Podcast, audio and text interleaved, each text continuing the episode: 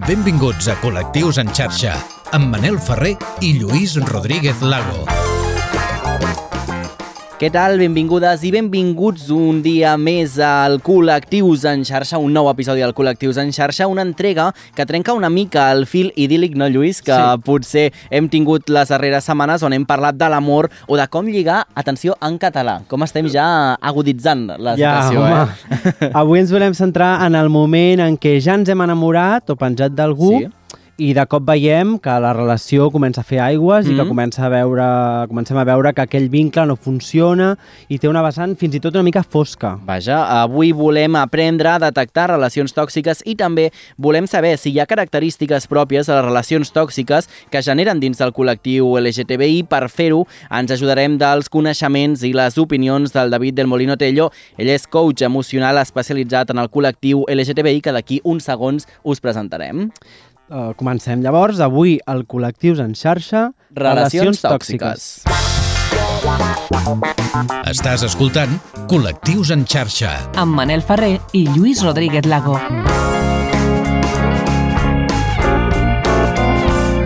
I els experts ens alerten d'un augment considerable de les relacions tòxiques, sobretot entre la eh, població més jove i que, influenciats per la petjada que han deixat els models educatius dels nostres pares o avis, veuen com, de manera no conscient, les seves primeres relacions sentimentals es veuen marcades per accions o normatives no sanes. I per començar a posar noms i cognoms als temes que parlarem avui, cal que introduïm a la conversa el David del Molino Tello, coach emocional i especialitzat també en el col·lectiu LGTBI. Com estàs, David? Hola, hola a tots. Primera tarda. pregunta que et fem, com podem eh, descriure el que és una relació tòxica?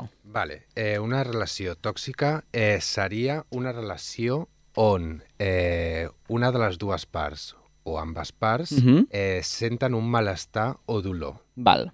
Uh -huh. Vale? Sí que és veritat que s'està utilitzant el ser tòxic Sí? en molts àmbits, o sigui, molt fàcilment, però el secret, el matís, seria que fes mal a una de les persones. Per tant, la primera pista la tenim és que potser estem fent servir la paraula tòxic massa, no? Li estem traient una mica de pes, l'estem desvirtuant, no? Mhm. El, el significat de la paraula toxicitat, no?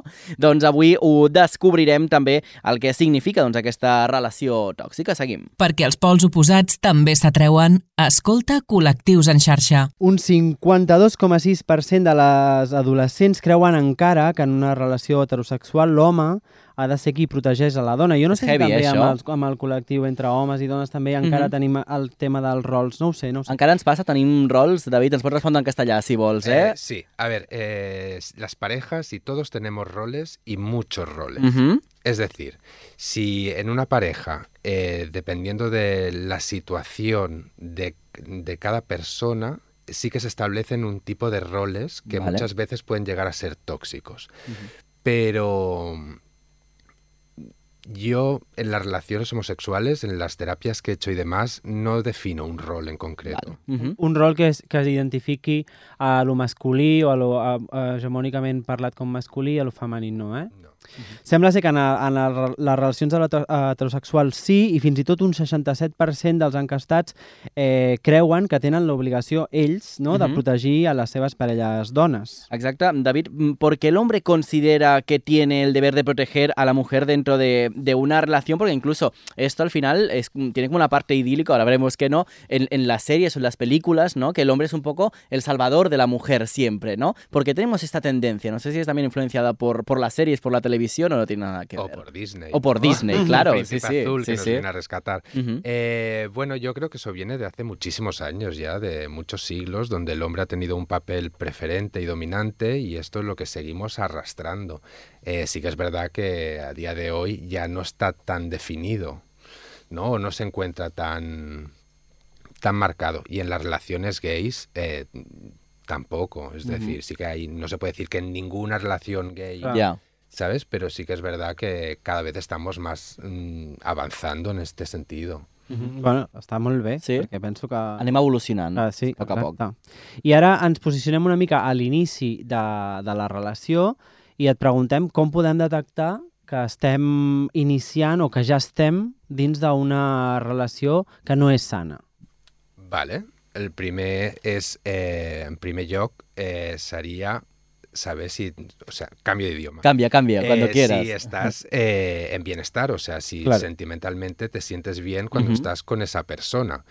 Eh, en el caso de que no estés bien, ahí sí que tenemos que indagar y detectar qué patrones son o qué conductas son las que a ti te hacen sentir mal. ¿vale? También supongo, en esto que nos decías, eh, mm, que tenemos que detectarlo, supongo aquí es la parte complicada a veces, porque hay gente que tú desde fuera puedes decir, hombre, pues ese tipo de relación no creo que sea más sano, pero esa persona al igual no es consciente de que está en una relación que no es buena, ¿no? Claro, aquí partimos de la premisa de que nosotros desde fuera estamos Vale, juzgando claro. una relación que nosotros mm, No seguramente conocemos. nos faltará Ujú. información y no conocemos.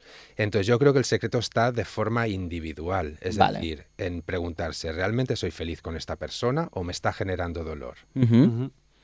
Molt bé, és una bona I, pista. I llavors, la, la idea seria, evidentment, no jutjar la relació dels altres, però quan, tenim un, quan estem veient que s'estan produint situacions amb persones properes a nosaltres que detectem que, poden, que estan generant, generant aquest malestar, com, quina manera creus que és la més eh, amb la que podem intervenir de, de millor manera? On- puedo- oh, sí, sí, sí, digues, ¿te digues. puedo ser honesto? Clar, clar, evidentment. Pero para este tema y para todos. O sea, ayuda a quien te pida ayuda Ujú. o cuando te pidan consejo. Ja, Si no, no saldrá nada bueno de ahí. ja.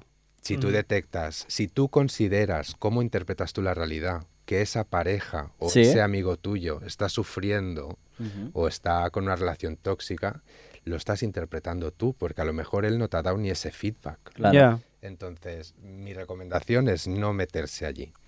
Mira, justo la siguiente pregunta va vinculado a esto mismo, que no sé si es más fácil lo que decía Luis, que detectemos una pareja tóxica que no es la nuestra, que cuando estamos dentro de la relación, que al igual no lo estamos percibiendo igual, ¿no? Exacto.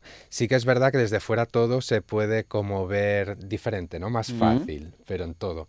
Y desde dentro muchas veces estás como atrapado emocionalmente, hay algún tipo de apego o hay algo que te impide quizá ver la, ver la realidad de lo que Ajá. estás viviendo, ¿no? Pero el secreto es eso, insisto, en plantearte, oye, ¿realmente soy feliz? Porque en el amor, el amor no es sufrir, el amor Claro. Es amor, es, un- es una emoción bonita, es una, emo- es una fuerza, ¿no? Entonces, el secreto está ahí, que lo vivas y que lo vivas Que justamente esto, mm, David ahora decías que el amor no es sufrir, es que a mí me pone como incluso nervioso la gente de, bueno, esto es el amor, y pienso, hombre, eh, espero que no, porque claro, si el amor no es como hacer tantísimos sacrificios y pasarlo mal por la otra persona porque es el amor de tu vida, no, esto del amor de tu vida ya es una cosa que ya mm, como molesta, no es como una chaqueta en agosto, ¿no? Que es Como- como, bueno, no sé ahora Como- mismo.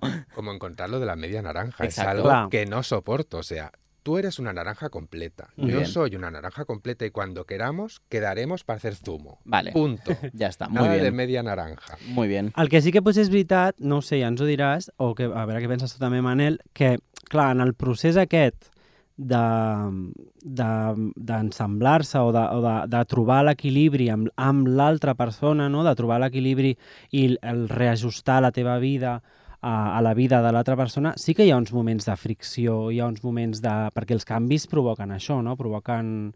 Bueno, és un moviment.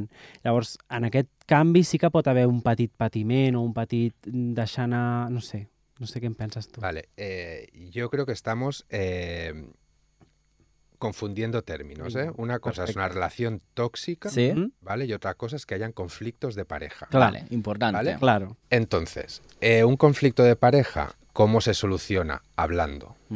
Pero hablando desde la honestidad, desde lo que hemos comentado antes, ¿no? Siempre desde el respeto, la empatía y la asertividad. Muy ¿Eso bien. qué significa?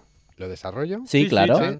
Desde el respeto quiere decir que aceptas que tu pareja piense, diga y haga cosas diferentes a las que harías tú. Vale. Que eso es muy fácil decirlo, pero es muy complicado llevarlo a la práctica. Ujú. ¿Vale? Luego hay la empatía. Se m'escapa el riure perquè...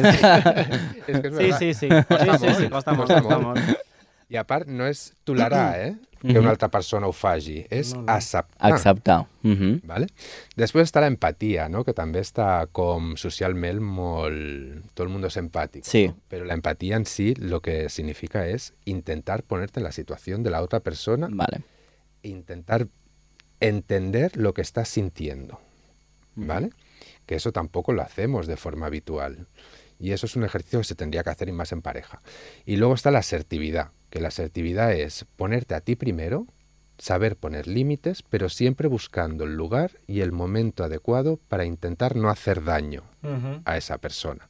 I eso també és complicat. És complicat. Uh -huh. Seguim una miqueta més perquè aquí hem trobat... Això és heavy el que ara diràs, eh, sí, Lluís? Sí, que el 62,9% eh, coneix noies que revisen el mòbil del seu xicot un percentatge del 58,6 en el cas eh, contrari. Uh -huh. Tot això són els nois els qui diuen a les seves nòvies amb més freqüència amb qui poden parlar i amb qui no, i són més habituals la intimidació, el control personal i emocional, la violència física i verbal o la violació de la intimitat.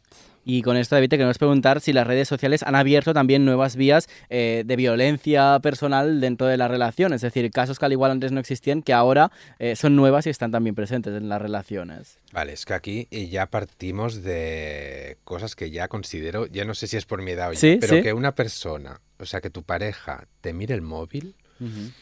Yo lo encuentro una falta de respeto. Entonces ya estamos partiendo de una relación que ya no parte del respeto ni de aceptar a la otra persona. Es una falta de respeto directamente, ¿no? Yo, yo Una falta de confiança, no, també? Sí, pero que, o sea, la confianza que es según lo que hayamos hablado, ¿no? Porque más en Ah, las claro. relaciones Sí, sí. gays Claro. eh, tenemos muchas posibilidades y la lealtad o el compromiso o la confianza se pueden negociar, ¿no? Hay diferentes parámetros.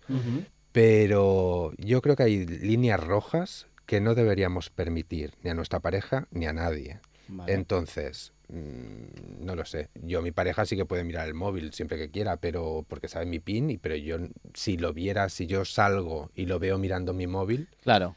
no sé por qué lo hace, ¿no? ¿Qué espera buscar?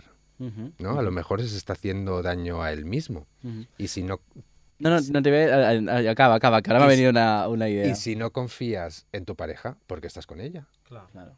David, ahora mm, estabas hablando de justamente esto de cómo negociamos el tipo de relación que tenemos, ¿no? Y decías que dentro del colectivo parece que estamos como más dados a poder abrir esta negociación. Eh, somos un poco más de mente abierta dentro del colectivo, es decir, cosas que al igual una pareja hetero no se plantearían hacer, la gente del colectivo sí que está más abierta a abrir un poco la relación o tener unos parámetros que se puedan negociar dentro de la relación.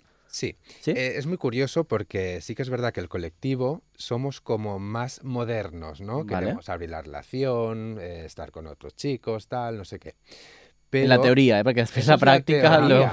Es sí. la teoría, Sí. porque yo he estado en procesos de pareja donde eh, se han determinado las reglas, los límites, eh, todo para que se puedan abrir la relación y Ujú. puedan tener sexo con otras personas. Pero luego nos olvidamos de los valores que tenemos Claro. en nuestra jerarquía de valores y los valores que nos han introyectado de nuestra familia. Y entonces, ¿qué pasa? Que empiezas a hacer las cosas como guays, ¿no? Del colectivo, Sí. que digamos con todos y tal, y aparece la culpa, ¿no? Esa emoción que te dice, uy, no te estás respetando algo. Claro. ¿Qué está pasando? Y cuesta mucho trabajar esto. Pero sí, tenemos tendencia a tener relaciones más poco convencionales que las heterosexuales. Ujú. Otra cosa es que luego funcionen o no funcionen estas parejas, ¿no? Ujú. Clar, perquè pens, jo, això no sé si, si ho sabré desenvolupar del tot, eh, però estava llegint fa, fa uns dies sobre, sobre aquest tema i sobre el pactar, mm, sobretot quan, quan parlem de, de parelles obertes o d'obrir una relació amb, amb, amb aquests pactes i amb aquestes negociacions que, que, que, que, bueno, que es posen damunt de la taula i eh, es, em fa la sensació que ho venem o ens ho volen vendre com una, com una modernitat i com una cosa que, que quasi que hem d'acceptar per estar com a la paix i, i una negociació d'aquest tipus eh, moltes vegades mm, o no sempre es fa des d'una igualtat de condicions, perquè s'han de tenir clares moltes coses. Vull dir, quan hi ha cossos a la, a la, a la parella, no en una parella, quan hi ha cossos diferents o, o un cos més, ac més acceptat de- d'un dels membres de la parella que l'altre, que pot tenir com més eh, oportunitats de... Pues, Pues ho has explicat molt bé, Lluís. Jo crec que Sí, s'ha s'ha entès sí, no? superbé, s'ha de, de, de, si, de, de tenir, no, de, de trobar altres relacions que, que l'altra persona... És a dir, que o quan, quan, quan ho o quan- exposes, Lluís, és gairebé que ho, est que ho estàs eh, proposant perquè saps que tu tens les de guanyar no? dins d'aquesta negociació, potser, no? Quan hi ha una negociació, hi ha, quan hi ha una negociació es posen els terme, uns termes sobre la taula. Sí. Hi, ha un, hi ha unes persones que mm, guanyen unes premisses i unes altres que, que poden bueno, han de deixar, no? quan fas, fas una negociació, has de deixar una, o de, de, davant de una, unes coses que tu pensaves per, per, perquè l'altra persona en tingui unes altres i, tu, i al revés, i viceversa. Llavors, a vegades em fa la sensació que se'ns se ven la, la teoria, que és el que parlàvem abans, mm -hmm. d'obrir una parella com, com una cosa que ens garantirà uh, la duració d'aquesta parella o, o l'estabilitat o, o ens portarà una, a una felicitat en un altre nivell i no sé, em fa que ho he de posar en dubte a vegades. Sí. Eh, no ho sé. Ja. Jo personalment, per la meva jerarquia de valors i de més, jo no puc mm -hmm. ni plantejar-ho, però jo sí que n'hi ha casos de parelles que he portat que ho porten bé. Mm -hmm pero obrir la parella no siempre vol dir que el guapo va a ligar más, por lo tanto va a tener más sexo con otros y tal. Se puede abrir la pareja también con, con haciendo tríos. Uh -huh. Claro. Se puede hacer sí, sí. de muchas maneras. Entonces, eh, respecto al guapo va a tener más sexo. Qui diu guapo diu qui té una estabilitat econòmica més alta, no enfront d'un altre, vull dir, per, per, per establir per, per partir d'una igualtat entre dues persones que es posen a negociar qualsevol cosa, s'han de tenir en compte molt, molts factors. Sí, podem parlar del guapo per resumir-ho, eh? però...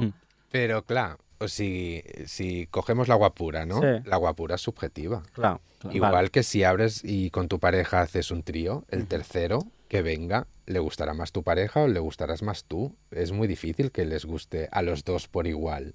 Clar, però per exemple, per posar un exemple que estava dient el, el Lluís, no? que sigui, per exemple, obrim la parella i cada cop que viatgem podem estar amb altres persones. Clar, si tu tens un compte corrent que et permet viatjar, podràs viatjar i podràs eh, enrotllar-te amb altres persones. Si no tens aquest poder econòmic, seràs tu el que no estaràs amb altres persones perquè estaràs sempre a casa no? O sigui que sempre... Clar, és fent un exemple, eh? O sigui, estic sí, exagerant sí. per, per exemplificar-ho, eh? Jo tinc un, un pacient, un client, eh, que treballa, fa viatges a Dubai mm -hmm. constantment mm -hmm. i tenen la relació oberta. Què passa? Que quan ell està a Dubai és molt difícil Clar. que tingui relacions, però el que es queda aquí Clar, té més és el que té. No? Segurament. Clar, o sigui, n'hi ha moltes variables, però si tu obres la parella des de la honestitat, mm -hmm. eh, ell pot estar aquí i tu pots... O sigui... Ah, sí, sí, sí, ho entenc, ho entenc. Mm -hmm. sí, sí. Doncs mira, anem a posar més dades uh, pel tema insults, perquè això és uh, mm. el 37,6% dels joves, i s'apropa al 40% dels joves, coneixen nois del seu entorn que exerceixen uh, insults contra les seves parelles i un 28,6% assenyala que les noies exerceixen aquests insults uh, contra les seves parelles homes, no? I uh, també inclús hi ha un 20% dels homes que asseguren que tenen amics que en alguna ocasió han amenaçat a la seva parella de fer-li mal si es deixen. O sigui que, clar, això ja és una cosa que jo que va més enllà d'una relació tòxica, eh, no, David? Exacte, és el que iba a dir. Eso eh? ja és mm, violència Extrem, de gènere, no? no? Mm -hmm. Com són aquestes noves generacions que estan pujant, perquè jo no sé si potser tenen com un concepte més obert del que és una parella, um, o no, o en veritat tenen potser com una idea més conservadora del que és una parella, perquè clar, jo per exemple, quan era més jove no recordo casos d'amics meus que volguessin pagar les seves parelles o que s'insultessin entre, entre ells, llavors em preocupa una mica que les dades ara puguin anar per aquí. Yo creo que hay de todo, ¿no? Como en todas mm -hmm. partes, mm -hmm. pero la verdad es que no lo sé. No sé cómo sube la juventud porque me relaciono muy poco con ellos, ¿eh? la verdad. Mm -hmm. Pero si es así, los datos me parece horrible. Mm -hmm.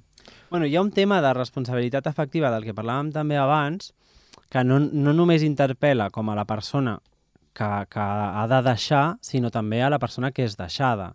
Aquí parlar de, de, de les amenaces o de com, com posem de fàcil o difícil a la persona que ens està deixant fer aquest pas, no? O sigui, ens, vull dir, a vegades, a tots, a, bueno, a mi m'han deixat, per exemple, i, i he hagut d'entendre que aquella persona Mm, doncs que m'havia de separar d'aquella persona i que li havia de deixar que li havia de deixar espai, però no tothom ho entén de la mateixa manera i a vegades eh, crees aquesta, crea, es crea aquesta reacció no, contrària mm, mm. No, de, de, de voler estar més a sobre, de, de, no, de no deixar que la relació acabi. Això ho, ho pots arribar a veure? Sí, sí, el, eh, clar. És a dir, eh, hay un chico o una chica que deja a su chico y el chico le dice, ¿cómo me dejes? Mm, sí. Però això ha passat tota la vida. Ja. Mm -hmm. De jove també sentia que passava. Eh, aquí és complicat, perquè aquí seria la persona deixada realment què és el que sent, no? per què s'està sentint així, per què actua així, Uh -huh. i invitar-li a que fos a teràpia psicològica o que fes alguna cosa, no? Perquè, clar. clar, si una parella es trenca, si una de les dues parts de la parella vol deixar la parella, l'altra és que no pot fer res. No hi ha cap, És que- aquí no hi ha cap sortida. Uh -huh, uh -huh. Uh -huh. Sí que eh, abans ho estàvem parlant, eh, Mhm. que és molt important que diferenciar per un par, eh, per un... Per una banda. per una banda. Si hay amor en la pareja o no hay amor. Porque hay parejas sin amor que también existen. Y Guau. tam- luego hay la pareja en sí y la convivencia, que son dos temas completamente diferentes. O sea, tú puedes tener pareja, pero no puedes convivir. Y si convives muchas veces existen muchos más conflictos. Entonces es complicado, pero si siempre partimos del amor, todo es más fácil. Uh -huh. Molt bé. Home, doncs com a titular està, està, Està molt bé. està molt bé, eh? està molt bé, sí, sí.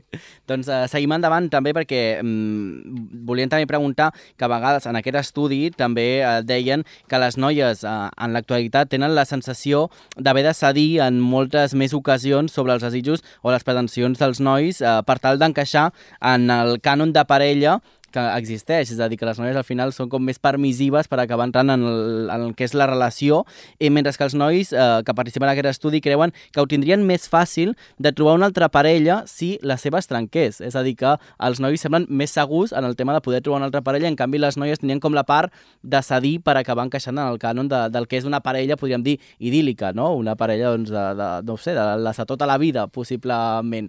Ha aquesta diferència? Són els nois o els homes més segurs a l'hora tenir una parella que les noies o no té per què? Yo diría que no te parqué. Yo creo que el secreto está en la autoestima. Es decir, si la persona, ya sea hombre o mujer, tiene autoestima. Si tú tienes autoestima y te das valía a ti mismo y te conoces y sabes lo que quieres, es todo mucho más fácil. Entonces ya no estás tan ya no es tan fácil, ¿no? Entrar en apegos emocionales o intentar interpretar un papel Mm. que te corresponde por ser mujer. Es que no. O sea, una mujer con autoestima, y hoy más hoy por hoy, actuará como ella considere y hará lo que ella considere y, eso sería lo saludable, vamos. Muy bien. Fa aquesta, em sembla que aquesta setmana eh, es feia viral un vídeo per Twitter de- d'un d'aquests nois que formen part d'aquests, no sé com es diuen, hombres alfa o no sé què. Machos Machos alfa. alfa. jo què sé. Eh, bueno, sí. No, tienes Eh, un morbo también. Sí, bueno, aquest no molt. Que, que, Bueno, que aquí David, yo recomendé la serie de Machos Alfa y Luis casi deja de ser mi amigo, ¿eh? No, no Pero tanto. Estuvimos a punto Yo vi un de crear una capítulo, crisis aquí. Yo vi un capítulo. jo la vi entera perquè l'havíem de comentar aquí, eh? A mi em posava molt nerviós. em posava molt Bueno, nerviós. pues aquest, aquest noi eh, parlava de... Es va fer viral aquest vídeo on deia, eh, els hi deia a les noies no, que, si eren molt, que si tenien moltes relacions, eh, Sí. quan tinguessin 30 anys, el seu valor com a persona Hauria baixat, no? hauria segurament? disminuït Eh. i que llavors no podrien accedir a, al tipus de nois que ells es consideraven, no? que era com el, el macho alfa aquest de què parlàvem. Per això, Mhm. per això, quan veig aquestes dades no, de que, que hem Sí. recollit amb aquests estudis i, i doncs penso, ostres, és que el noi que parlava era un noi molt jove, era un noi molt jove i que tenia aquestes idees i que segura, és un noi que té molts seguidors, eh? vull dir que és- té una audiència que segurament el recolza cada cop que fa una publicació. Claro, pero todo esto de dónde surge, ¿no? Eh, o sea, este chico seguramente es lo que habrá visto sus padres, es lo que tendrá en la sociedad, donde vive, el barrio. Claro, se le han introyectado creencias y valores que a lo mejor es que, no sé, pero me parece irreal. Y luego que una mujer pierda valor porque tenga más sexo. O sea, Sí, sí. Ja. Totalment, Ja, ja. totalment. Segueix-nos a les xarxes. Busca'ns i recupera tots els nostres programes, imatges i vídeos exclusius. Col·lectius en xarxa. A Twitter, Instagram i a les principals plataformes de podcasting.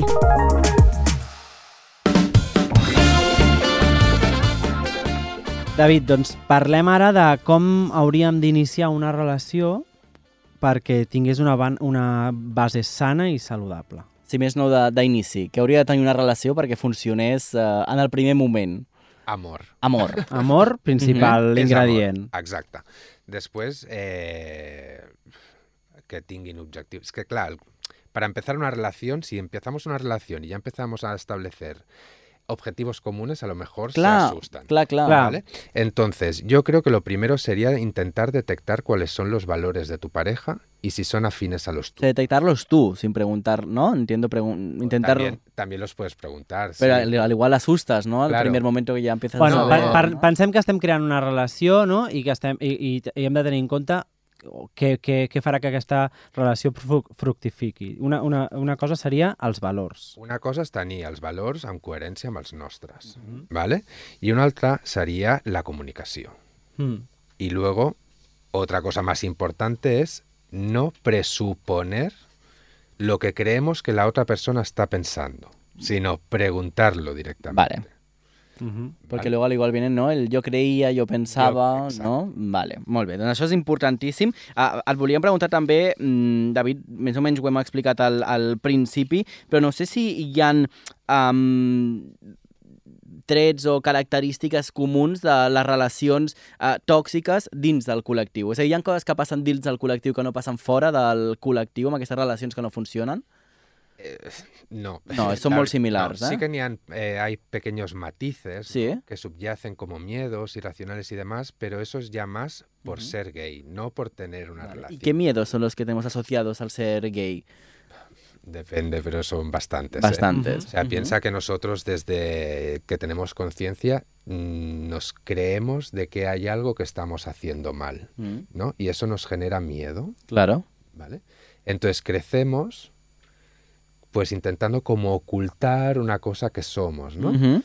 Ahora ya, ahora ya cada vez esto pasa menos, gracias a Dios, ¿no? Pero sí que es verdad que eso genera como unas determinadas secuelas en, el- en los hombres gays, ¿no? Que, que a veces cuestan mucho de tratar. Y como matiz, ¿no? En una relación gay, eh, muchas eh, parejas gays no se quieren besar en público, por ejemplo. O ¿no? coger la mano, ¿no? Por O ejemplo. coger la mano, Ujú. o conocer a los padres. Hay muchas veces que los padres no aceptan la homosexualidad de su, pa- de su hijo. Sí. Entonces, eso sí que son como pequeñas cosas que hacen que la relación sea más complicada. Pero de por sí, las relaciones tóxicas aparecen en todos los colectivos y en toda la tipología de parejas. Mhm. Lluís, ens hem de fer una darrera pregunta. Sí. Va, vols escollir tu la que més t'agradi? Eh, pensem, pensem els dos, pensem els dos. Va, doncs mira, jo et volia preguntar Digues, digues justament a, a, això, eh, que ara parlàvem d'aquestes relacions tòxiques. Mm, encara que siguis la persona més segura del món mundial, pots caure en una relació tòxica? Això, això, molt bona pregunta. No només la, la, la persona més segura, sinó que aquesta cosa que dèiem també abans de què hem estat parlant, una persona que, no, que té estudis, que té una Mhm. certa trajectòria professional, que, que té el treball que volia... que té molts possi- possibles? Exacte. Pot caure en una relació tòxica? Vale, eh, que tenga muchas carreras no tiene nada que ver. De nada le sirve. De nada le sirve. nada le Per primera això, Lo sí? importante es la inteligencia emocional que Ajá. tenga y otra cosa es la autoestima. Vale. Es decir, una persona con autoestima es muy difícil que entre en una relación tóxica, Vale. ¿vale? Porque ella, s- esa persona ya sabe lo que vale y... sabe- seus límits. Mhm. Correcto. ¿vale? Doncs di, remata, remata si vols, Sí. David. Entonces, ¿qué- ¿en qué es- consiste la, au- la autoestima? La autoestima tiene tres pilares importantes que considero que es, que es importante, ¿no? En primer, la- en primer lugar es conocerse a uno mismo, ¿no? Vale. Decirse quién soy, qué valores rigen mi vida, eh, qué objetivos tengo, eh, cómo soy, cómo, cómo me relaciono con los demás, Vale. ¿vale? Luego, ¿estoy satisfecho con la vida que tengo? O sea, no solo mi pareja me genera satisfacción, el resto de mis áreas vitales también me generan. Mm. Y luego tengo objetivos que me hacen avanzar la autorrealización. Entonces, una persona con estos tres pilares Sí. es muy difícil que, que caigan en relaciones tóxicas. Doncs mira, ens quedem aquests ingredients. David, moltes gràcies per acompanyar-nos. T'ho has passat Moltíssimes bé? gràcies. Sí, molt bé. Doncs quan vulguis et repetim, Lluís, marxem amb música i ara de mentre et farem Sí. la proposta. Amb quina música marxarem? Marxem amb Primavera sin tu trèvol de Carla Delgado i Hawaiano. Molt bé. I donem les gràcies al Carles Soler Piqué a les vies de so i una recomanació per a aquests Una dies. recomanació, perquè el dissabte dia 20 de maig fan la CREAT, la festa de la creativitat de gènere i la infància, es fa a Barcelona.